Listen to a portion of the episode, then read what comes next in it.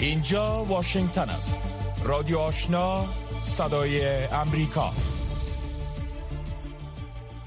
شنوندگان عزیز سلام. شب همه شما بخیر. حفیظ آصفی هستم و با همکارانم برنامه خبری ساعت رادیو آشنا صدای امریکا را تقدیم می‌کنیم. در سرآغاز برنامه خبری ساعت توجه کنین به تازه ترین خبرهای افغانستان منطقه و جهان که نسرین محمود عزیزی تقدیم می‌کنند سلام بر شنوندگان گرامی. سازمان بین المللی مهاجرت در افغانستان یا IOM گفته است که روند کمک های استرالی به زلزله زدگان در جنوب شرق افغانستان ادامه دارد. این سازمان روز چهار شنبه سوم آگست گفت تا کنون بیش از 7500 خانواده در ولایت پکتیکا و خوست از این کمک ها مستفید شدند. با گفته این سازمان این کمک ها شامل مواد خوراکی، لوازم ضروری خانه و بسته های است که برای افراد آسیب پذیر در این ولایات توضیح شده است. سازمان بین المللی مهاجرت افزوده است که تیم های صحی این سازمان همچنان مصروف ارائه خدمات به زلزله زدگان در این ولایاتند. آمار سازمان جهانی صحت نشان می دهد که در نتیجه زلزله ماه گذشته در جنوب شرق افغانستان 1026 نفر جان باختند و 6083 نفر دیگر زخمی شدند. اداره سرمفتش خاص ایالات متحده در امور بازسازی افغانستان یا سیگر وضعیت این کشور را برای زنان و دختران نگران کننده دانسته است. سیگر در 56 مین گزارش سه ماهش به کانگریس امریکا گفته است که سرکوب بانوان در افغانستان همچنان ادامه دارد. این اداره در گزارش تازهش به کانگریس ایالات متحده چند نکته از جمله وضعیت زنان و دختران و بحران بشری در افغانستان را نگران کننده دانسته است. به گفته سیگر با وجود درخواست های امریکا و جامعه جهانی برای رعایت حقوق بشر به ویژه حقوق زنان و نظر می رسد که طالبان تقریبا تمامی محدودیت های دهه 90 میلادی و حاکمیت نخستشان را بر زنان و دختران تحمیل می کنند. سیگر همچنان به استناد گزارش سازمان مواد خوراک وزارت ملل متحد گزارش داده است که 92 درصد نفوس افغانستان به نوع عدم مسئولیت غذایی را تجربه می کنند و 3 میلیون کودک در خطر ابتلا به سوی تغذیه حاد قرار دارند. این گزارش نتیجه گرفته است که این امر سبب گردیده تا بحران بشری در افغانستان در ربع اول سال هنوز در حالت وخیم قرار داشته باشد. خبرهای جهان را از رادیو آشنا صدای امریکا می شنوید. جان کربی اما کننده رابط استراتژیک شورای امنیت ملی امریکا ناوقت روز سه شنبه در یک نشست خبری تاکید کرد که امریکا به طالبان روشن کرده که می‌داند طالبان پس از کشته شدن ایمن الزواهری رهبر شبکه القاعده برای پنهانکاری شواهد چی هایی را برداشتند او گفت ما این را به طالبان واضح ساختیم که ما می‌دانیم آنها چه کردند و ما می‌دانیم که آنها از کی محافظت می‌کنند و ما در مورد گام های هم می‌دانیم که آنان تلاش کردند تا شواهد پس از حمله را پنهان کنند. ما متوجه آنها هستیم. این در حالیست که بیش از یک شبانه روز از اعلام خبر کشته شدن ایمن الظواهری رهبر شبکه القاعده میگذرد. اما طالبان هنوز کشته شدن وی را در حمله طیاره بی پیلوت امریکایی در کابل تایید و یا رد نکردند و تنها این حمله را نکوهش کردند. از جانب دیگر مایک والز یک عضو کانگریس امریکا می‌گوید ایمن الظواهری در مهمانخانه سراج الدین حقانی سرپرست وزارت امور داخلی حکومت طالبان بوده است و این نگران کننده است. شورشان جدایی طلب در ایالت سرشار از منابع بلوچستان پاکستان ادعا می کنند که یک هلیکوپتر نظامی اردوی پاکستان را که برای عملیات نجات پس از سیلاب به این منطقه آمده بود سرنگون کردند این شورشان اضافه می کنند هر شش سرنشین به شمول یک قماندان ارشد اردوی پاکستان در این هلیکوپتر کشته شدند. یک تن از مقامات ارشد نظامی پاکستان این ادعای شورشیان را رد کرد و آن را تبلیغات خوانده است و یفزود این هلیکوپتر به دلیل آب و هوای نامساعد از کنترل خارج شده بود بلوچ راجی آجوی سنگریابراس که گروه های شورشی بلوچ را زیر یک چتر آورده است در بیانیه که اواخر روز شنبه بر رویترز ارسال شد گفت هلیکوپتر نظامی را که در ارتفاع کم پرواز می کرد با یک سلاح ضد هوایی سرنگون کردند. رئیس مجلس نمایندگان امریکا در سفرش به تایوان گفت ایالات متحده از دموکراسی در این کشور حمایت می کند. نانسی پلوسی با وجود هشدار چین سهشنبه شب با وقت محل به تایوان رسید. رئیس مجلس نمایندگان امریکا در سفرش به تایوان همبستگی ایالات متحده با این کشور را اعلام کرد. جوزف وو وزیر خارجه تایوان و سندرا اودکرک نماینده امریکا برای تایوان از او در میدان هوایی استقبال کردند. پلوسی گفت ایالات متحده از دموکراسی در تایوان حمایت می کند و افزود که همبستگی امریکا با تایوان بیش از هر زمان دیگر مهم شده است زیرا جهان با دو گزینه روبروست خودکامگی و دموکراسی چین به سفر نانسی پلوسی واکنش شدید نشان داده و گفته است که این اقدام صلح و ثبات در جزیره تایوان را برهم می‌زند پلوسی در 25 سال گذشته ارشدترین مقام امریکایی است که از تایوان دیدن می کند. و در یک خبر دیگر کرملین با انتقاد از سفر نانسی پلوسی رئیس مجلس نمایندگان ایالات متحده به تایوان گفت تنش های ایجاد شده در پی این سفر نباید دست کم گرفته شود دمیتری پسکوف سخنگوی کرملین امروز به خبرنگاران گفت سفر خانم پلوسی به تایوان یک اقدام تحریک آمیز بود.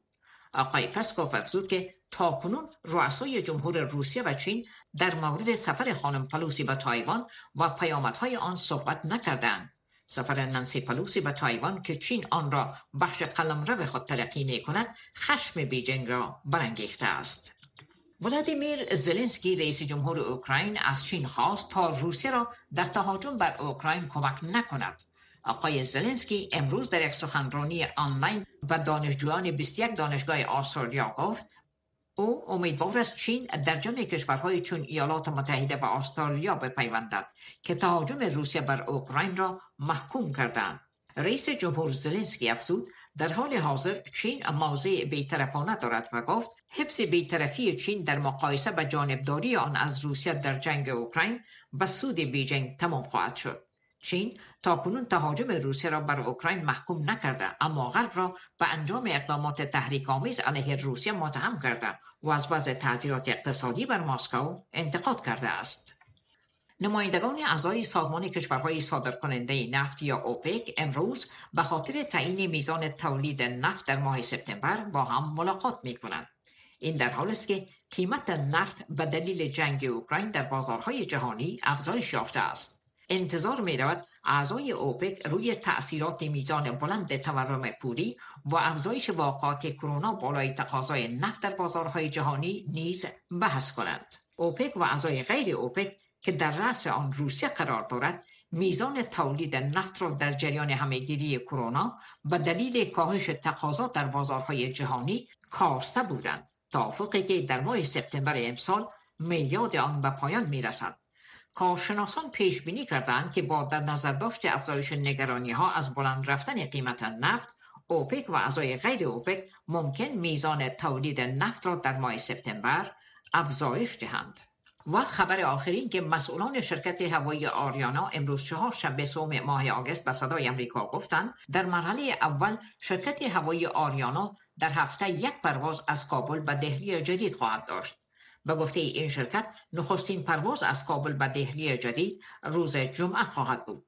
همچنان شرکت در اعلامیه کوتاه در صفحه فیسبوک نوشته است که شرکت هوایی آریانا افغان مفتخر است که به سلسله خدمات همیشگی خود پس از یک مدت طولانی پروازهایش را به دهلی هندوستان از سر می‌گیرد. پس از تغییر نظام در افغانستان در ماه آگوست 2021 پروازهای خطوط هوایی آریانا به برخی از کشورها از جمله هند متوقف شد. شنوندگان گرامی این بود مشروع اخبار تا این لحظه. از امواج رادیو آشنا صدای امریکا. روایت امروز. مصاحبه ها، گزارش ها و تحلیل ها در مورد وضعیت کنونی افغانستان و جهان هر شب از ساعت نونیم تا ده شب از امواج رادیو آشنا صدای امریکا.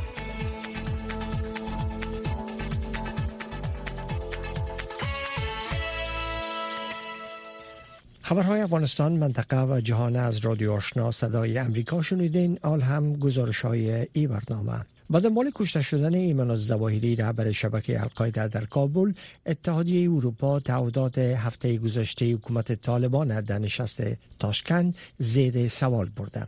شمار از کارشناسان میگن که نگرش و تفکر بسته طالبان نسبت به موضوعات سبب بروز مشکلات در انجام تعهدات طالبان شده.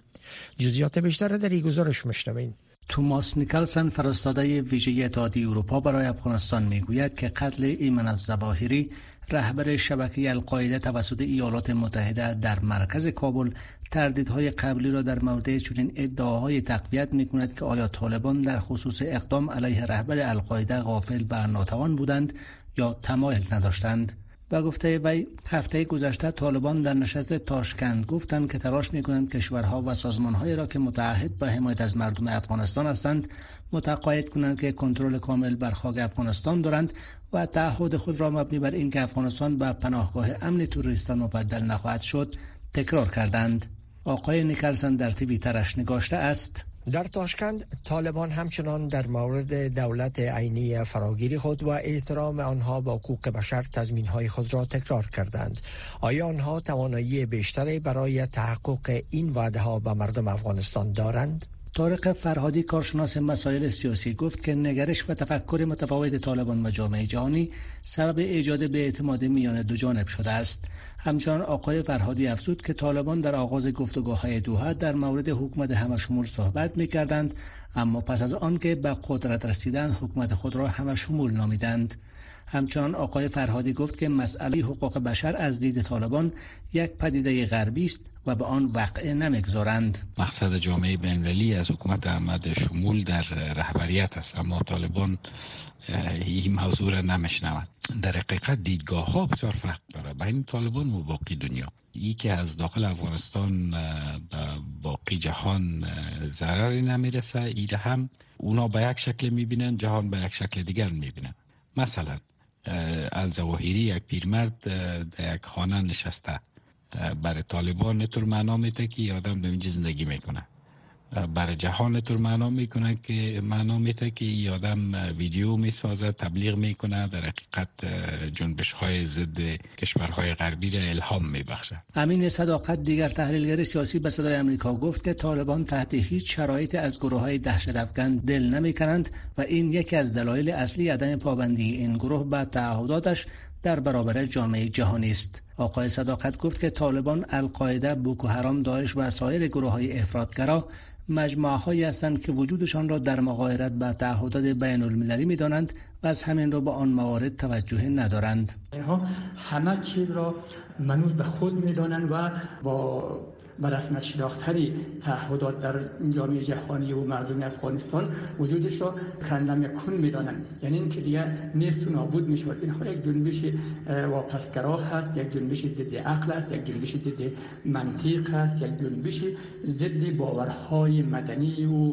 انسانی هستند. اینها خود در تضاد با این مسائل می‌دانند و از این جهت مثلا که اینها هرگز حاضر نیستند که تحت هیچ شرایطی هیچ گونه تعهداتی بین المللی را و نه عملی نمایند این در حال است که قبل بر این زبیح الله مجاهد سخنگوی طالبان در مصاحبه با صدای امریکا در پیوند به خواست جامعه جهانی از طالبان مبنی بر احترام به حقوق بشر و تشکیل حکومت همشمول گفت که این گروه خواستهای مشروع کشورهای جهان را پذیرفته است و به تحمیل فرهنگ دیگر کشورها در افغانستان تن در نخواهند داد.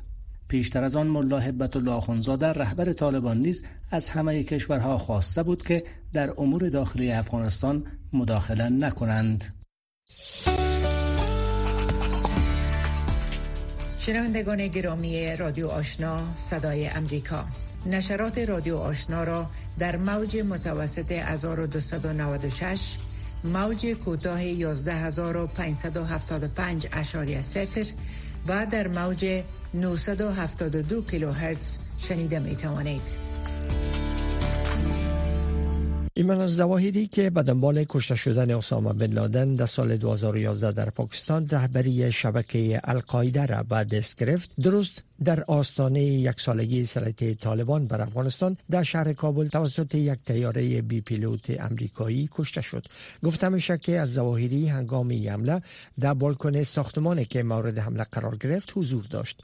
در رابطه به که این عملیات چگونه در راهی شد گزارش را فرخنده پیمانی تهیه کرده که با هم میشنویم یک مقام ارشد حکومت ایالات متحده امریکا که نخواست هویتش فاش شود با خبرنگاران گفت که ایمن الزواهری سالها مخفی شده بود و عملیات شناسایی و کشتن و نتیجه کار دقیق و صبر مداوم ادارات ضد دهشت و استخبارات امریکا بود. مقام ها امسال دریافتند که خانواده الزواهری به شمول همسر، دختر و نواسه هایش به یک خانه امن در کابل نقل مکان کردند و سپس الزواهری را در همان خانه شناسایی کردند. بر اساس اظهارات این مقام امریکایی طی چند ماه گذشته مقامات استخباراتی بیشتر مطمئن شدند که زواهری را در خانه امنی در کابل به درستی شناسایی کردند و در اوایل ماه اپریل شروع به اطلاع رسانی به مقامات ارشد دولت امریکا کردند. جک سولوان مشاور امنیت ملی امریکا متعاقبا بر رئیس جمهور جو بایدن اطلاع داد. ما با استفاده از چندین منبع اطلاعاتی مستقل توانستیم طرح عملیات را بسازیم. هنگامی که الزواهری به خانه امن کابل رسید مقامات اطمینان حاصل نمودند که از آن خارج نشده است و او را در بالکن خانه شناسایی کردند جایی که در نهایت مورد اصابت حمله راکتی نیروهای امریکایی قرار گرفت. مقامات طرز ساختمان و ماهیت خانه امن را بررسی کردند و ساکنان آن را مورد بررسی قرار دادند تا مطمئن شوند که ایالات متحده می تواند با اطمینان خاطر عملیاتی را برای کشتن الزواهری بدون ضرر رساندن به غیر نظامیان و خانواده الزواهری انجام دهد. این مقام امریکایی افزود که در هفته های اخیر رئیس جمهور جو بایدن جلسات را با مشاوران کلیدی و اعضای کابینه ایالات متحده برای بررسی دقیق اطلاعات و ارزیابی بهترین اقدام تشکیل داد.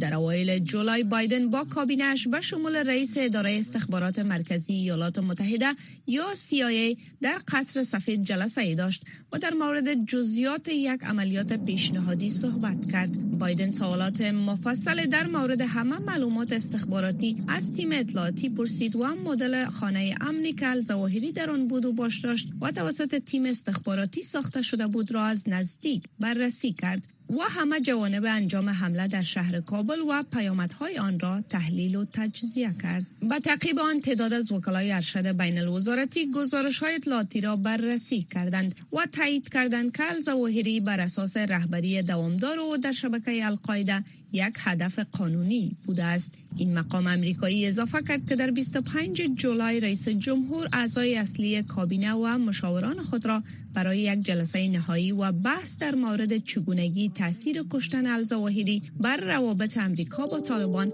در کنار موضوعات دیگر تشکیل داد. پس از جلب نظر دیگران در جلسه بایدن انجام حمله هوایی دقیق را به شرط به حداقل رساندن خطر تلفات غیر نظامیان تصویب کرد. در نهایت حمله سرانجام ساعت 9:48 دقیقه شنبه شب 3 جولای به وقت واشنگتن انجام شد. گفته می شود که این راکت یا درون به نام هلفایر یا به اصطلاح آتش جهنم نامیده شده است. رادیو آشنا صدای امریکا هفت روز هفته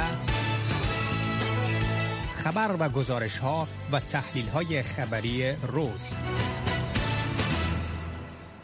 شیوه کشته شدن ایمان الزواهری در قلب شهر کابل سبب شده تا سوالهایی در مورد آینده روابط بین طالبان و جامعه جهانی به وجود بیاید. برای بحث بیشتر سهر عظیمی مصاحبه با نظام دین وحدت کارشناس سیاسی انجام داده و نخست در مورد فصل جدید روابط بین طالبان و جامعه جهانی با کشته شدن رهبر القاعده در خاک افغانستان سوال کرده. واقعا از حوادث بسیار مهمی امروز افغانستان است و این اتفاق برای همه مردم افغانستان و دنیا یک چیز واضح می سازه و او عبارت عزیز که طالبان آخرین ادعایی را که داشتن مبنی بر قتل علاقه با گروه های تروریستی بین المللی از جمله القاعده این غلط ثابت کرد. تو ادعای تامین امنیت هم خب طبعا ما در روزهای گذشته و ماهای گذشته شاهدی بی های گسترده و بمبگذاری ها و مسائل مختلف بودیم. او ادعا هم مسائل حقوق بشری بود. در موافقت نامه دوحه که قطعا همه می‌دانیم که نه یک عملی نشد بلکه وضعیت حقوق بشری به بدتر از حالت همیشگیش حتی از دوره قبلی طالبان برگشت. این آخرین موردی بود که طالبان ادعا می‌کردن که ما هیچ گروه تروریستی را در خاک خود پناه نمیتیم و در این حال برش امکان خلق نمی‌کنیم که از خاک ما تهدید بکنه کشورهای دیگر و تهدید. متوجه باشین که صرفا تهدیدهای بالفعل نظامی نیست که یک فرد مسلح باشه. یک رهبر القاعده می‌تونه در چندین کشور دنیا همزمان نتورک های نظامی داشته باشه و تهدید آفرین باشه برای ملت های دیگه و برای ایالات متحده آمریکا و برای کسی دیگه و این بار ثابت شد که طالبان در دعاهایشان قطعا صداقت ندارن و برای جامعه بین‌المللی روشنتر شد که طالبان که اراده ندارن در از یک افغانستان جدید را با ارزش های حدی اقلی جهانی بخواین رهبری و مدیریت بکنن. اما آنچه که مربوط به است که بله دقیقا خانه آقای سراج الدین حقانی مقابل همین میمان خانه است. یعنی میمان خانه ای که برای میمان های خاص بوده و تحت امنیت شدید قرار داشته. ممکن است از صفوف طالبان و یا طالبان هم در بین خود اختلافاتی دارن احتمالا که کسانی همکاری کرده باشند برای ردیابی ولی ایالات متحده رو می‌فهمیم که امکانات بسیار گسترده هنوز از نظر استخباراتی حداقل در افغانستان داره و آسمان افغانستان همیشه تحت نظارت و کنترلشان است و یک موردی که سوال برانگیز است برای اکثر کسایی که اخبار مربوط به افغانستان دنبال می‌کنن سناریوی بعدی است در افغانستان با توجه به اینکه شما اشاره کردین که طالبان از تعهدات خود سرپیچی کردن.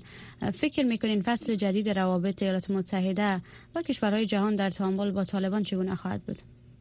خب دو فرضیه وجود داره. برای که در تحلیل ها معمولا نمیشه با قاطعیت در یک مورد قضاوت کرد. یک فرضیه ای است که یک بخشی از طالبان با ایالات متحده آمریکا در تعاون و تعامل و همکاری هستند و احتمالاً آمریکا تلاش بکنه در آینده نزدیک بیشتر همون بخشی از طالبان که با آمریکا در تعامل هستن کمک بکنه و آماده بسازه برای از کنه کار عمل به دست بگیرن و نهایتا یک دولت موقت و در پهلویش یک حکومتی تشکیل شود که بتونه با جهان تامین تعامل بکنه. این یکی از فرضیه های مهم است. فرضی دوم است که خب آمریکا فقط موردی عمل می‌کنه به خاطر منافع خود.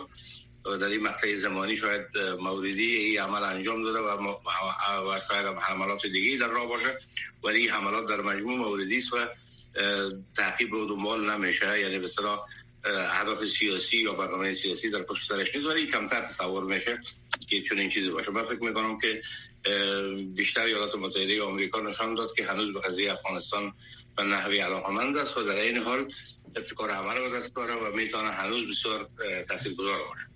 با توجه به اتفاقی که در افغانستان روز گذشته افتاد شماری از افراد ایالات متحده را به برخورد دوگانه در قبال تروریستان متهم می‌کنند. فرض مثال به خاطر آقای سراج الدین حقانی یک مبلغ به عنوان جایزه در نظر گرفته شده با که مکان و جای زندگی فرد مشخص نیست. از ایالات متحده همچین برخورد در قبال فردی که مسئولیت جان باختن شماری از نیروهای آمریکایی را به عهده داره بر علاوه افغانها این عمل صورت نمی‌گیره. فکر می‌کنین دلیل برخورد دوگانه ایالات متحده در قسمت از صحنه خارج کردن این مهره های جنگی در منطقه و افغانستان چی می باشه؟ خیلی گمان زنی های مختلف وجود داره که ایالات متحده آمریکا میزان علاقه مندیش به قضیه افغانستان هنوز در چه حدی است ولی به هر حال افغانستان یک نقطه بسیار متبارز جیوستراتژیک جیوپلیتیکی و در این حال جغرافیایی هست یعنی من فکر نمی کنم که آمریکا کاملا بتونه از افغانستان چشم پوشی بکنه طبعا به دنبال فرصت های هست یا شاید زمان کار داره برای اینکه بتونه عمل های بعدی رو انجام بده. ولی من خوشبین هستم به این که دنیا حداقل متوجه باید شود که در افغانستان فعلا یک حکومت نیست و نبود یک حکومت مسئول می‌تونه بسیار فاجعه بار باشه برای منطقه و برای دنیا و هر قدرت و کشوری که بتونه کمک بکنه به اینکه افغانستان از این بی‌ثباتی مطلق و انزوای کامل بیرون برای به نوع افغان های خسته از جنگ و خسته از فقر و خسته از آینده ناروشن و مبهم. فکر می‌کنم از هر اقدامی که بتونه فشار وارد کنه برای تغییر مثبت در افغانستان استقبال می‌کنه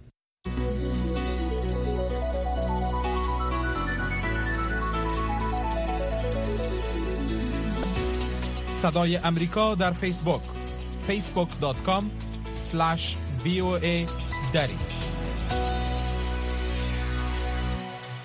کارشناسان افغان میگن که کشته شدن ایمان الزواهری در کابل روی روابط طالبان با امریکا تاثیر خواهد گذاشت و ممکن است امریکا پالیسی های خود در ارتباط با طالبان بازنگری کنه از طرف دیگر شمار از تحلیلگران سیاسی میگن که امکان داره در ردیابی زواهری گروهی از طالبان با امریکا همکاری کرده باشند. در رابطه با این موضوع فوزی ایسان مصاحبه با طارق فرهادی انجام داده که با هم میشنویم محترم فرهادی صاحب به نظر شما کشته شدن رهبر شبکه القاعده در افغانستان چی را میرسانه؟ این یک جواب کوتاه داره یک جواب دراز داره جواب کوتاهش است که این یک تخطی از موافقت نامی دوحه است به خاطر که در موافقت نامی دوحه آمده بود که طالبان باید در افغانستان تیروریست های بینالمللی را که فعالیت بینالمللی داشته باشن اونا را جای ندن و این الزواهری یک پیرمرد است که یک چند وقت پیش یک ویدیو کشیده بود و غالبا که ویدیو را از کابل کشیده بود و چون تقریبا شش ماست که در اینجا تعقیب میشه و گفته میشه که از سه چهار ماه با این طرف در خانه زندگی می‌کنه و چون ویدیوش در افغانستان نیست ویدیوهای از این تروریسم بینالمللی را حرفش می‌زنه در حقیقت طالبان در اینجا در تخطی موافقت نامی دوحه قرار گرفتند و یک دلیل پیدا شد بر امریکا که حمله کنه و این از بین ببره. و به نظر شما و به نظر شما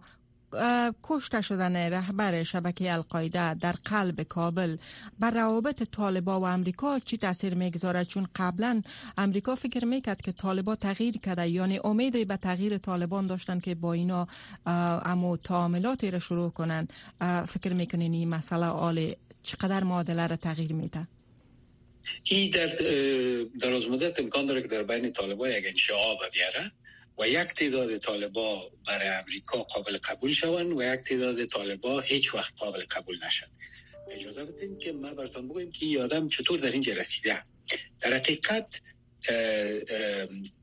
سراجدین اقانی در حدود 43 تا 45 سال است. و بابه سراجدین حقانی جلال الدین حقانی چل سال پیش در میدان جنگ امرای بن لادن و الزواهری و یا همسنگر بوده به ضد روسا. و این سراجدین حقانی امرای اولادای از این الزواهری یک جای کلان شده در پاکستان یا در های سرحدی. پس وقتی که یه آدم در قدرت می‌رسه در کابل سراجدین اقانی وزیر داخله میشه قدرتمند میشه کمپاوند داره خانه داره این میره در حقیقت دمو کاکای خوده که ایمان الزوایری که امروی بابیش در سنگر زید روز جنگ کرده او رو میگه که نال ما آدم قوی شدیم بیاد تو اینجا پیشی قرار زندگی اینجا خاتمه بده و فامیلش هم که امرایش امرای اولادای از این همسینی نشستن میاره اینجا. اما بازم همون مشکل سابق است. در سابق پیش از 2001 بن لادن و اینا در کابل با مردم افغانستان هیچ ارتباطی نداشتن و حیث جنگنده های عربی دیده می شدن در حال که اونا واقعات 11 سپتامبر آماده می‌کردن و در واقعی 11 سپتامبر هیچ افغان سهم نداشت.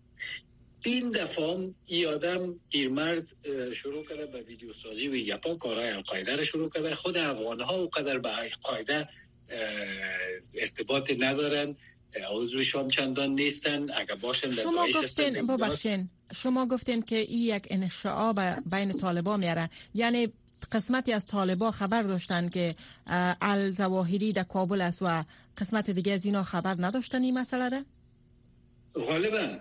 یعنی حقانی و اینا خبر داشتن چون که کاکاخاندی خود آورده بودن در کمپاند خود جای داده بودن. درست؟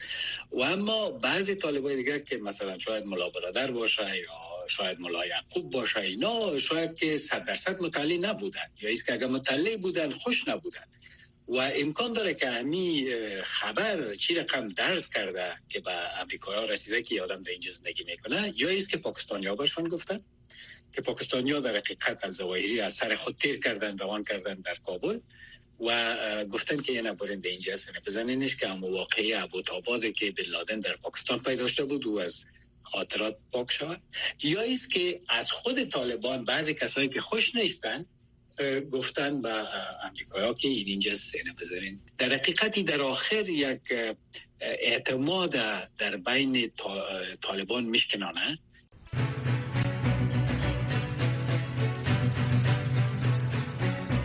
شنوندگان عزیز. ای بود داشته های برنامه خبری که در همینجا به پایان رسید. اما نشرات پشتو و دری رادیو آشنا صدای امریکا همچنان ادامه داره شنونده رادیو آشنا باشید.